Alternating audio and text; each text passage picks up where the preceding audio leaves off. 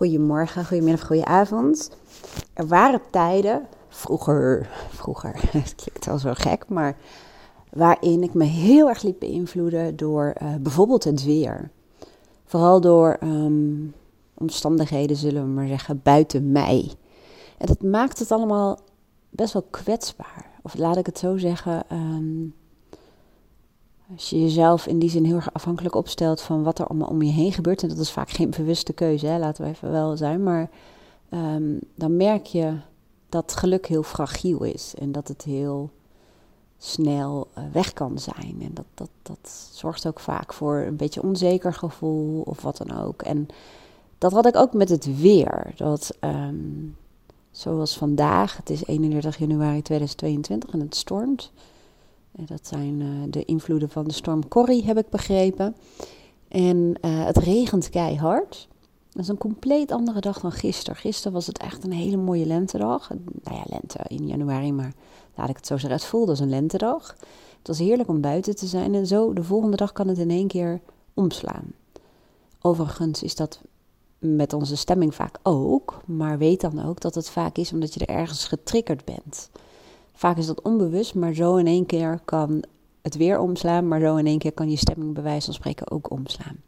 Nou, nu even specifiek over het weer, want ik weet dat heel veel mensen zich uh, in die zin laten beïnvloeden, in positieve zin en negatieve zin. Dat als de zon schijnt, het is lekker weer, dan, dan, dan merk je ook dat doet iets met de mens. En dat is fijn.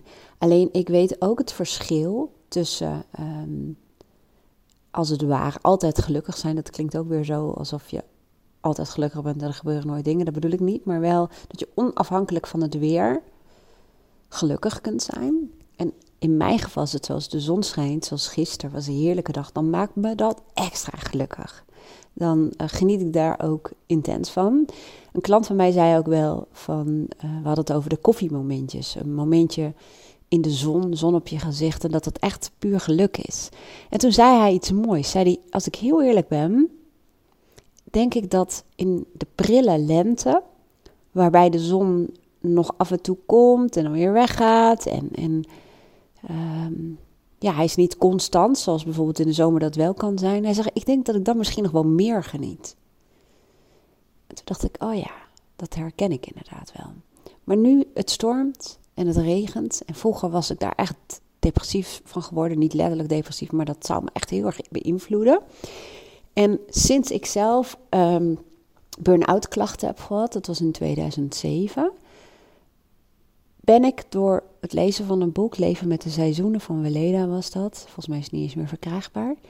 En doordat ik als het ware tot stilstand kwam, heel anders gaan kijken naar de natuur.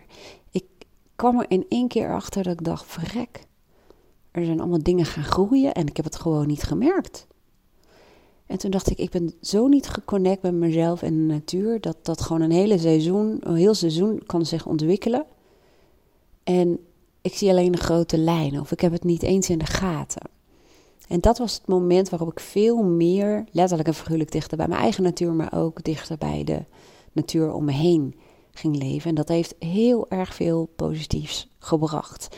En dat is dus ook de reden waarom ik vandaag naar buiten kan kijken en ik zie die bomen helemaal heen en weer zwiepen en het piept en het kraakt en het stormt en het regent.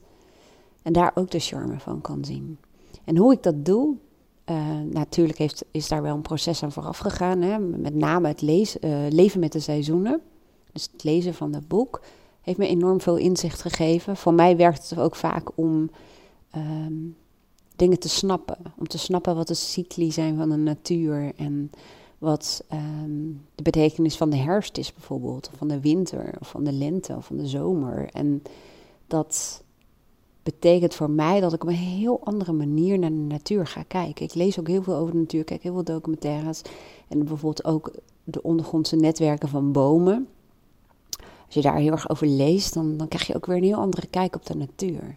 En ook hoe bijvoorbeeld uh, vogels samenwerken met uh, bijvoorbeeld wolven. Hè, dat ze boven, ik weet niet of dat dan kraaien zijn. Ik weet het eigenlijk niet welke vogel.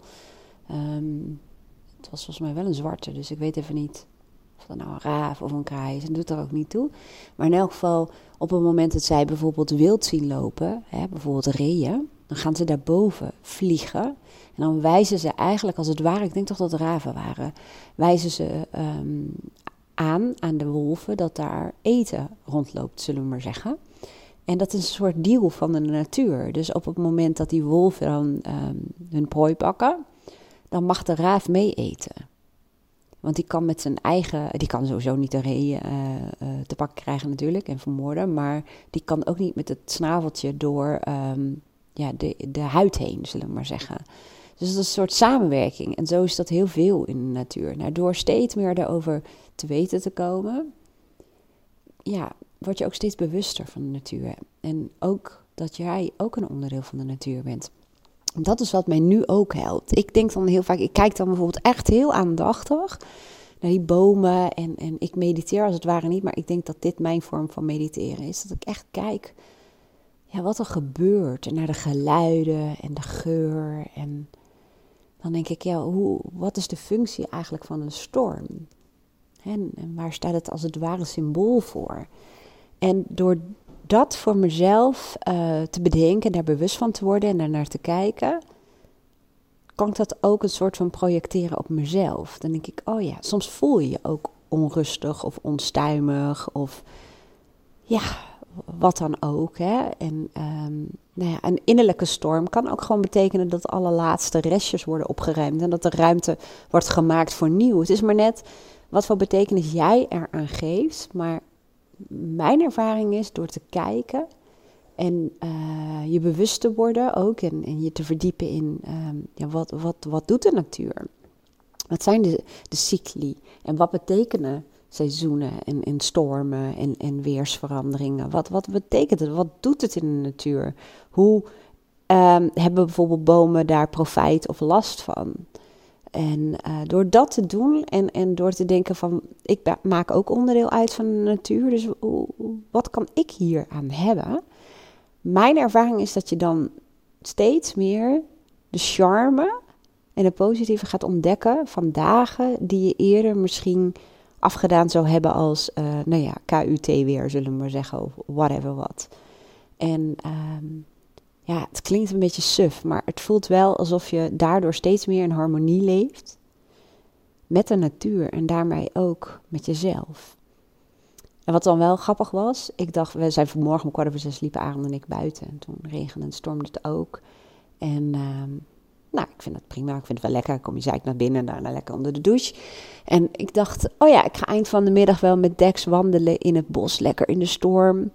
En toen dacht ik, oh ja, dat is dus geen goed idee. Wij hebben ooit een boswandeling gedaan met een natuurgids, een boswachter. En die zei, er zijn in geval twee momenten waarop je absoluut de bos niet in moet gaan. Hij zegt, dat is met onweer en dat is met storm. En ik dacht in het laatste geval van, wij hebben al een keertje met onweer rondgelopen. Nou, uh, ik begrijp nu uh, waarom. En we wisten ook niet hoe snel we weer terug moesten komen. We waren namelijk veel te diep in het bos. Um, maar ook storm. We hebben eergisteren nog hoorden we echt een gigantische tak bij ons in de buurt uh, afbreken. En je ziet ook vaak de takken en de bomen liggen, maar die zou je maar op je hoofd krijgen. En dat is niet heel ondenkbaar. Dus mijn idee om vanmiddag met Dex het bos in te gaan, die moet ik misschien maar even skippen. Maar ik kan natuurlijk wel zoeken naar hele brede paden, waar weinig ja, bomen staan of zo. Dat is natuurlijk wel een idee om wel naar buiten te gaan. Het kan ook gewoon best lekker zijn om dan gewoon wel naar buiten te gaan. Dat is het tweede wat ik deed. Eerder was um, wanneer ik naar buiten ging heel erg voorwaardelijk van wat voor weer het was en of het droog was. En ik heb toen bij wijze van experiment, in het vorige huis was dat, ging ik elke ochtend, ongeacht het weer, ging ik mijn uh, koffie of thee buiten opdrinken en een beetje rondlopen. Vooral in de tuin. Het was helemaal niet groot hoor, maar wel om gewoon buiten te starten. Dat heeft ja, heel veel goeds gedaan. Dat um, ja, vond ik een heel fijn moment van de dag. En nu ook, als het regent, als het stormt of wat dan ook. Ja, tenzij ik na mijn wandeling met Dex nog een afspraak heb, dan ga ik natuurlijk liever niet door de zeikende regen uh, lopen. Uh, maar mede daardoor heb ik eh, onze wandelingen meer verplaatst naar het eind van de dag. Maar ik ga gewoon, of het nou sneeuwt, regent, hagelt, Ja, het stormt dan, het is een beetje afhankelijk waar ik ga lopen. En alleen dat al meer buiten zijn, in mijn beleving doet het ook gewoon heel veel goeds voor je humeur, voor je stemming. Ehm, maar ook, het geeft ook een gevoel van vrijheid. Dat je dus niet afhankelijk bent van het weer. Nou, dat is de hond die zich uh, uit, uh, hoe zeg je dat? Uit, niet uitrekt, uitschudt. Nou, ik hoop dat je wat dan had. Dus eigenlijk wat mij helpt is heel goed kijken naar de natuur. Gewoon aandachtig kijken. Dat is meteen een soort mindfulness. En om je te verdiepen in um, de natuur. En, en, wat de cycli zijn. En wat storm bijvoorbeeld voor betekenis heeft. En, en ja, dat heeft mij in ieder geval heel erg geholpen. Ik hoop dat het jou ook helpt. Ik wens jou een hele mooie dag en heel graag tot de volgende podcast.